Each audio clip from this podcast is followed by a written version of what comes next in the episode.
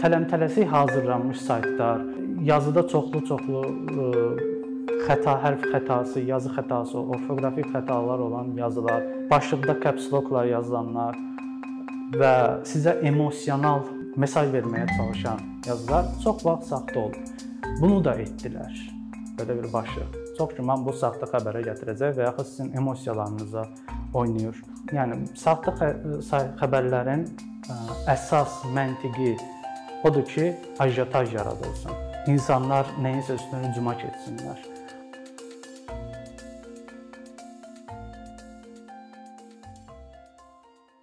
Bildiyiniz kimi hal-hazırda informasiya hücumuna məruz qalırıq hər yerdə. İstəmədiyimiz, istədiyimiz nə qədər məlumatlar əldə etməyə məcburuq və buna görə də biz e, məcburuq ki, öz filtrimizi yaradaq, belə deyək. Biz buna görə də əsasən jurnalistikadan danışacağıq, amma jurnalistikanın jurnalistin tərəfindən yox, oxucunun tərəfindən. Yəni burada jurnalistika etikasından filan belə şeylərdən bəhs eləməyəcəyik. Bizim işimiz o deyil. Biz əsasən oxucu olaraq hansı mənbələri e, mötəbər saymalı olduğumuzu və yaxud hansıları fake, yəni saxta saymalı olduqlarımızı bəhs edəcəyik. Birinci elə fake demişəm, fake news, yəni ki, saxta xəbərlərdən danışaq. Saxta xəbərlər əsasən 4 kateqoriyaya bölünür. Bunlardan birincisi e, Donald Trump'ın məşhurlaşdırdığı saxt fake news e, te, e, terminidir ki, insanlar sadəcə olaraq bəyənmədikləri, yəni öz propaganda öz xəttlərində, öz belə deyim, ideologiyalarına aid olmayan hər hansı bir xəbər görəndə və yaxud məlumat görəndə onu fake news sayırlar. Yəni ki, birbaşa rədd eləmək, nə bunun inkarı üçün isbat gətirirlər və heç nə. Bu birinci kateqoriyadır. İkinci kateqoriya saxtalaşdırılmış məqalə. Yəni ki, bu bilərəkdən hansısa bir müəllif tərəfindən sırf bu məqsədlə saxtalaşdırmaq məqsədi ilə yazılmış məqalələrdir. Yəni ki, bu adamların bəzən çoxu heç jurnalist olmurlar, adi troll da ola bilərlər və yaxud nə bilim rəssamlıq akademiyasından məzun bir yazar da ola bilərlər. Heç bir bunların yəni jurnalistika etikasına falan sahib olmalarına ehtiyac yoxdur. Üçüncü kateqoriya xəbərlər adlanır yalan xəbərlər. Yalan xəbərlər necə olur? Bu bunlar əslində jurnalistin bilərək elədiyi şeylər deyil, bilməyərək elədiyi xəbərlərdir. Tutalım ki, bu gün bir yazı, bu gün bir məqalə gördüm. Albert Agarunovun heykəli düzəldilir və bu heykəlin bu haqqda olan xəbərlərin çoxunda Ömər Əldarov yazılmışdı, e, heykəltaraş. Mən də bu amma bəzi məqalələrdə bu ümumiyyətlə məlumat yox idi. E, bu haqqda mən də ona görə sosial mediada bir araşdırma elədim. Gördüm ki, e, əslində hə, həmin müəllif əslində bu Aybek Ağalınovun heykəlinin müəllifi Ömər Eldarov deyir. Onun iki şagirdidir. Yəni bəzi xəbər saytları bu məlumata yer veriblər, bəzi xəbər saytları birbaşa Ömər Ömərin Ömər müəllimin adını çəkiblər. Bu artıq olur yanlış xəbər. Yəni ki, burada jurnalistin bilərək elədiyi şey deyil, sadəcə olaraq birinci xəbəri mən yayım məntiqi ilə sürətlə verdiyi bir xəbərdir.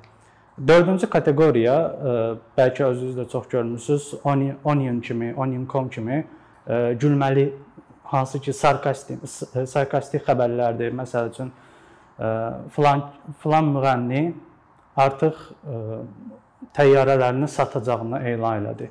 Burada əslində sarkazm istifadə olunur və nə deyirlər bu müğənniyə qarşı ki, onun çox varlı, dövlətli insandır. Tam damla evini nə bilim pərəstişkarlarına açdı.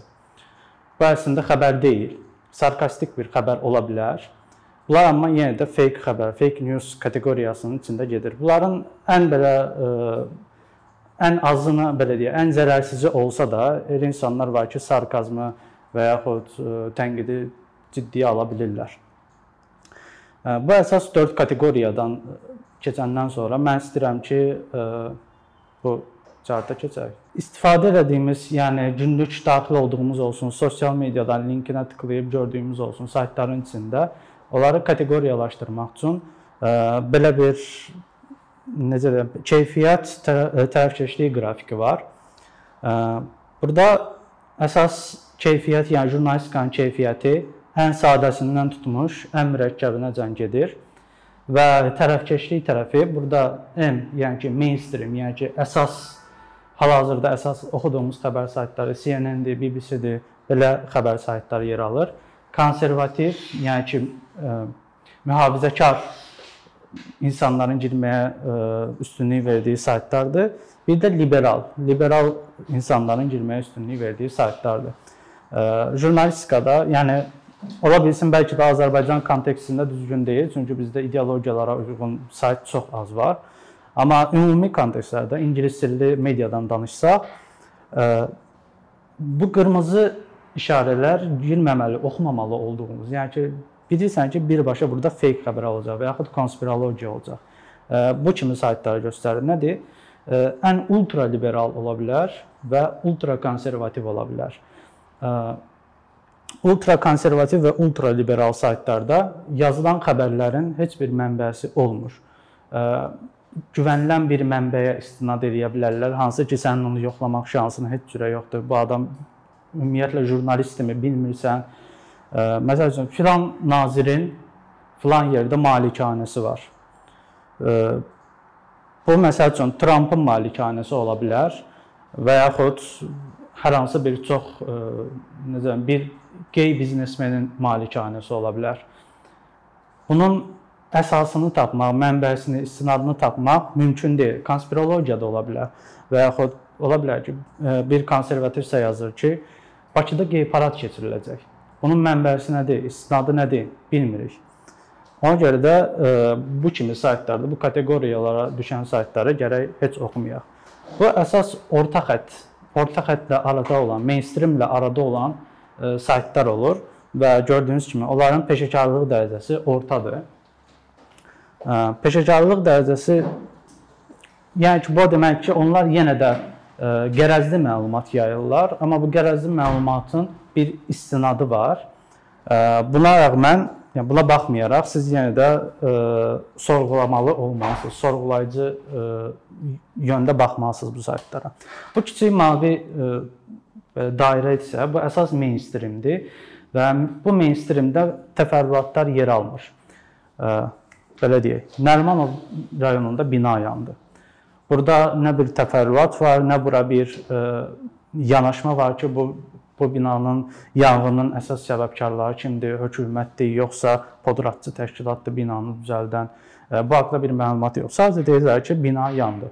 Bu ona görə də ə, e, ən sadə, yəni jurnalistika keyfiyyətində ən sadə belə minimal ə, e, fundamental keyfiyyətdə sadəcə başlıqla xəbər verən saytlardan bu əsas bu şeydə olur. Ə, e, burada ola bilsin ki, ə, qərəz yoxdur, fake news sayılmır, amma çox məlumat da vermir. Ə, bu ortada olanlar, yəni ki, hansı ki buna əsasən daxildir, ə, CNN, BBC bəlkə də Onlar mainstream saytlar sayılırlar və bunların çox demək olar ki, təfər əsasən onlar təftiş edirlər, məlumatları, istinadları yerləşdirirlər, amma nəticə çıxarmaq sizin özünüzə qalmış olur. Bu insan da belə halda deyə bilər ki, CNN liberallara işləyir. Başqa bir insan deyir ki, yox, CNN baxın burada qadınlar haqqında, feminizm haqqında belə bir məqalə yazıb, deməli əslində o konservativlərə işləyir. Yəni ki, burada əsas insana qalmış, oxuyucuya qalmış bir şeydir. Ən yuxarıda həmin bu maksimum peşəkarlıq səviyyəsində olanlar analitik saytlardır. Yəni kompleks Wall Street Journal kimi, Economist kimi saytlar bu sayt bu qrupdan sayılırlar. Və bu qrupda bu qrupdan olan saytları oxuyanda gördüyünüz kimi onların da əlbəttə ki bir e, ideoloji yönü var. Amma sırf analitik və kompleks olması nəzərindən baxanda ən e, oxunulası saytlar da sırf belə saytlardır. Forbes olsun, e, tutalım ki bir sayt deyək, Fox News. Fox News düşür artıq bura. Yəni ki, yenə də sağçılardır, konservativlərdir, yenə ə, qərəzlidir, amma bir nöqtələri var. Bir və yaxud Huffington Post bura düşür maviyə. Bizim Azərbaycan kontekstindən baxsaq, APA-nı və yaxud trendi bu tərəflərdə görə bilərik. Reportaj bəlkə biraz main mainstreamə düşər. Azərbaycanda yəni hal-hazırda jurnal jurnalistikanın oxucu oxucu nəzərindən vəziyyəti, qrafikası budur. Jurnalistlər ola bilsin buna etiraz eləsin, yox biz belə deyilik, biz çox peşəkarıq, amma əsas oxucu tərəfindən danışmalıyıq biz. Saytların klassifikasiyasını elədik. İndi danışaq həmin bu sosial mediada, həmin bu saytlardan görəcəyimiz məlumatların necə dəqiq olub olmamasını yoxlayaq. Birinci bir məqalə görürsüz, o məqaləyə tıklayırsınız. O məqalədə diqqət eləməyiniz olan əsas şey nədir? Bir tarix. Ola bilsin ki, gündəm barədə bir e, ola bilsin ki, gündəm barədə bir mövzu olsun, xəbər olsun. E, amma tarix köhnədir. 2019-cu, yəni hal-hazırda baş verən bir hadisə haqqında e, gündəm tutalım ki, feminizmdir. Götürdü 2014-cü ildən bir məqalə paylaşır ki, feminist cütlük uşağı öldürdü. Bu artıq fake news olmasa da, saxta xəbər olmasa da yön hal-hazırki diskursa yön vermək istədiyi açıq-aydın görünür. Çünki 2014-cü ilin məqaləsini 2019-da paylaşır. Və yaxud həmin bu saytların haqqımızda bölməsi var. Yəni ki, bu saytın baş redaktoru kimdir, ofisləri varmı, ümumiyyətlə belə bir sayt mövcuddurmu? Çünki yəqin ki görmüsüz, e, phishing adlanan sizin bank məlumatlarınızı oğurlamaq istəyən saytlar var. E, belə xəbər saytlarının da phishing versiyası olur. Yəni ki, saxta. Sadəcə olaraq domeni e, oxşadırlar. Məsəl üçün müsavat yerinə müsavat.com-dur, v yerinə götürür w yazır. Yəni çox adam onsuz da bilmir, linkə tıklayır da, domen adına baxmır. Orda artıq bu sayədə istədiyi məlumatı bir adam qoya bilər. Və bu xəbər saytlarında məsəl üçün hal-hazırda ONA azda və APA azda belə məlumatlar olur. Aşağıda müəllifi olmalıdır. Bu müəllifin tıklayaraq digər yazılarına da baxa bilərsiniz ki, ümumiyyətlə bu müəllif nələrdən yazır. Bu jurnalist ümumiyyətlə qərəzli sizə görə qərəzlidirmi yoxsa yox? Onun yazdıqlarından da bir şeyə e, yola çıxa yola çıxaraq bir nəticəyə gələ bilərsiniz. Həmin bu xəbər saytlarının məsəl üçün dizaynına da baxmalısınız. Yəni çox adam düzdür, dizayna fikir vermir, amma tələm-tələsik hazırlanmış saytlar, bir yazıda çoxlu-çoxlu xəta, hərf xətası, yazı xətası, orfoqrafik xətalar olan yazılar, heç sonlu ki, bunu tələsib yazıblar başlıqda caps lockla yazılanlar və sizə emosional bir şey mesaj verməyə çalışan yazılar çox vaxt saxta olur. Bunu da etdilər. Belə bir başlıq. Çox güman bu saxta xəbərə gətirəcək və yaxud sizin emosiyalarınıza oynayır. Yəni saxta xəbərlərin əsas məntiqi odur ki, ajotaj yaradılsın. İnsanlar nəyinsə üstünə hücuma keçsinlər və tutalım bir nümunə gətirək Elinə Hacıyeva məsələsindən.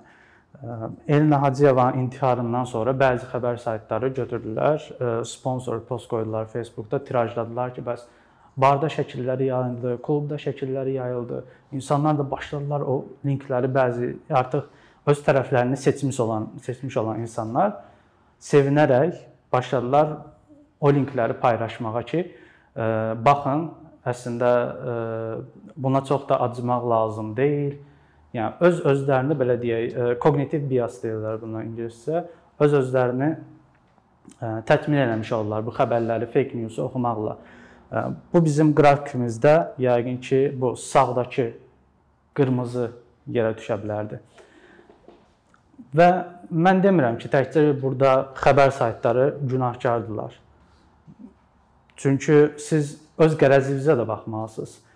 Mən məsəl üçün bir xəbər saytını oxuyanda oradan artıq əsəbləşirəmsə, ikinci dəfə artıq oxumağa çalışıram onu və deyirəm ki, mənim özümün də ideoloji görüşüm var da. Bu bu yazı mənim ideoloji görüşümdən tam olaraq üst-üstə düşmür.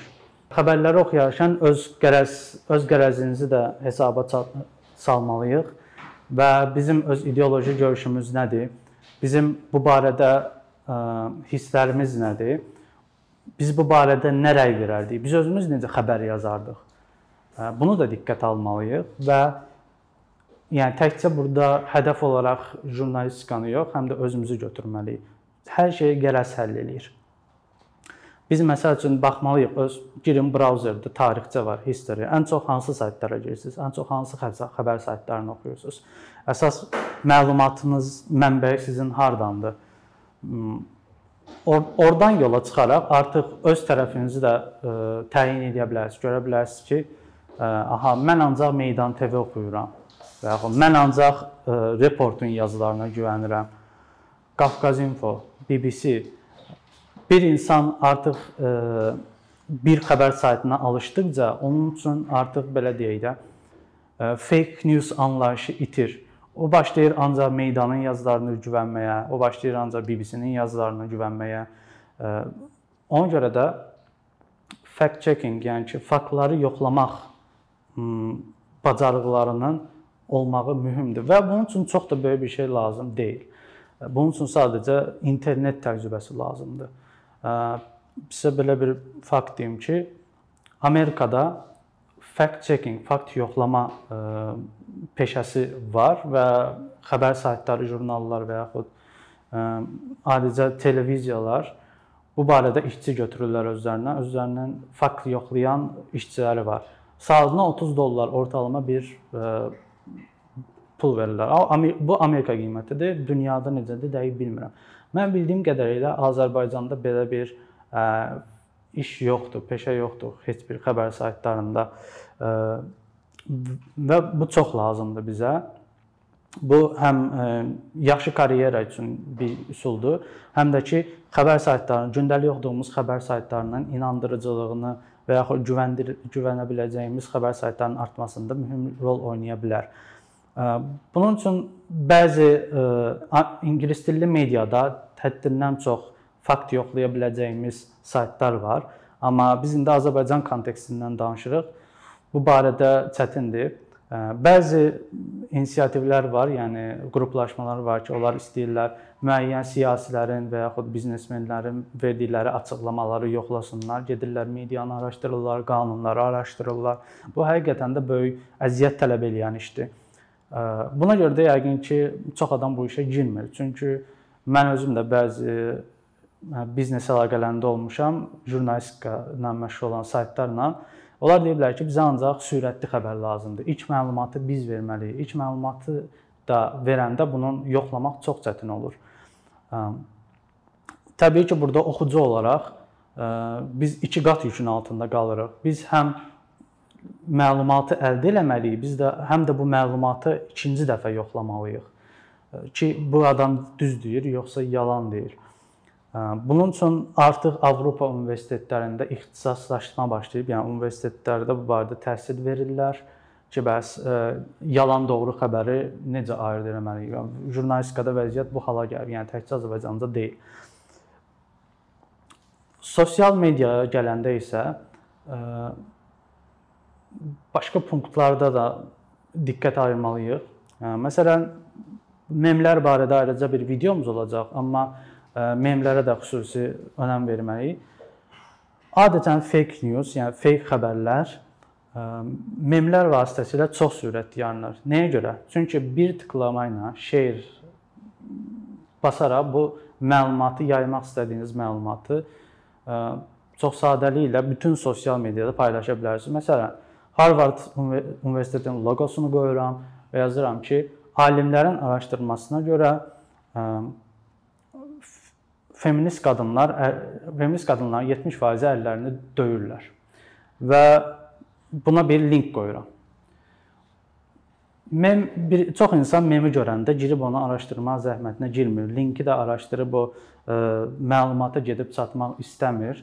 Sadəcə aha belə bir şey varmış. Şeir paylaşır və onunla fikri biraz da sağa getdi və yaxud başqa bir cür mem varsa tutalım ki, ə, Donald Trump nasistlərin başçısı ilə görüşdü.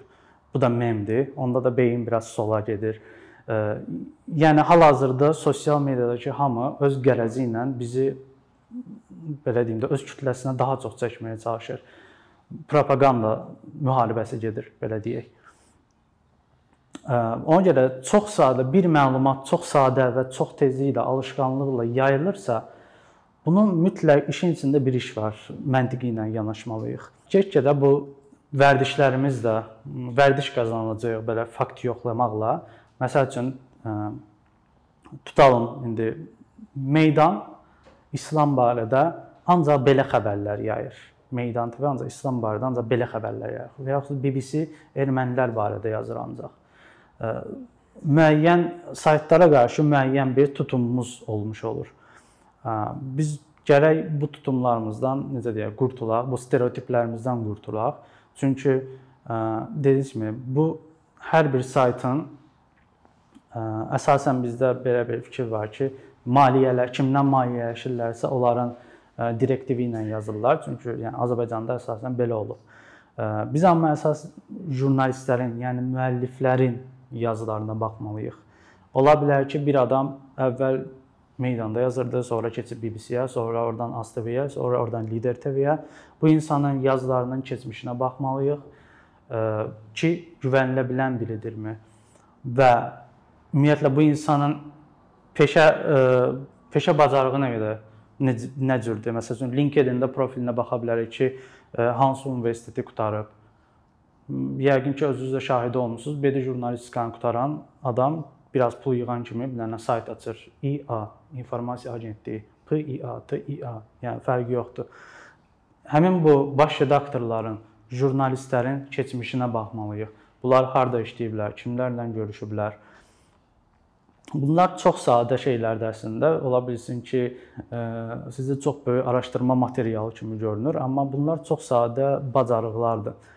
Bunun daha dərininə gedəndə, məsələn, John Stewartın Amerikan şou aparıcısı və yaxud John Oliver'ın sarkastik və şouları olur. Yəni sarkastik də olsa xəbər şouları olur. Bir mövzu haqqında araşdırma edirlər. Tutalım ki, bir senatorun tarixçəsini araşdırırlar. Bir senator uşaq haqqları haqqında tutalım ki, bir bəyanat verir. Sonra bu senatorun tarixçəsini araşdırırlar. Lobbi kimin lobbiçiliyini eləyir, kimlərdən pul qazanıb, Yəni Amerikada Amerikadan danışırıqsa, bu barədə adətən e, statistika açıq olur, kim kimə pul verib, hər şeyi internetdən tapa bilərsiniz. Bu tipli şoular olsa, yəni adamlar gəlirlər 70-ci ildə tutan bir senator universitetdə falan filan şeyləri deyib, 70-ci ildə antifaşist olub və yaxud nasist olub. Bunların hamısını araşdırırlar və bu insanın profilini üzə çıxardırlar.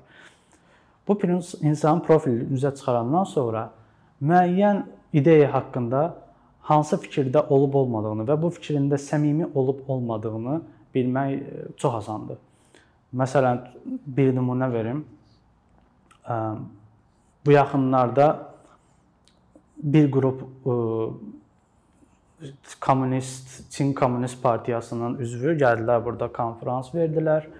150 nəfər iqtidar partiyasının üzvü getdi orada izlədi yüksək ranqlı məmurlar.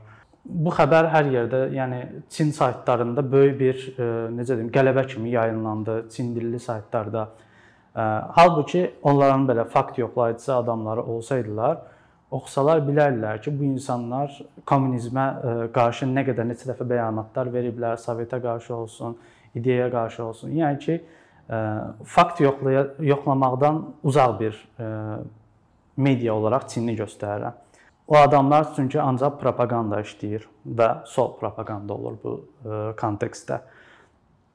Bizə də ona görə e, bu bacarıqları sadə bir Google yolu ilə öyrənmək e, olar. Yəni bu eləyə bilərik.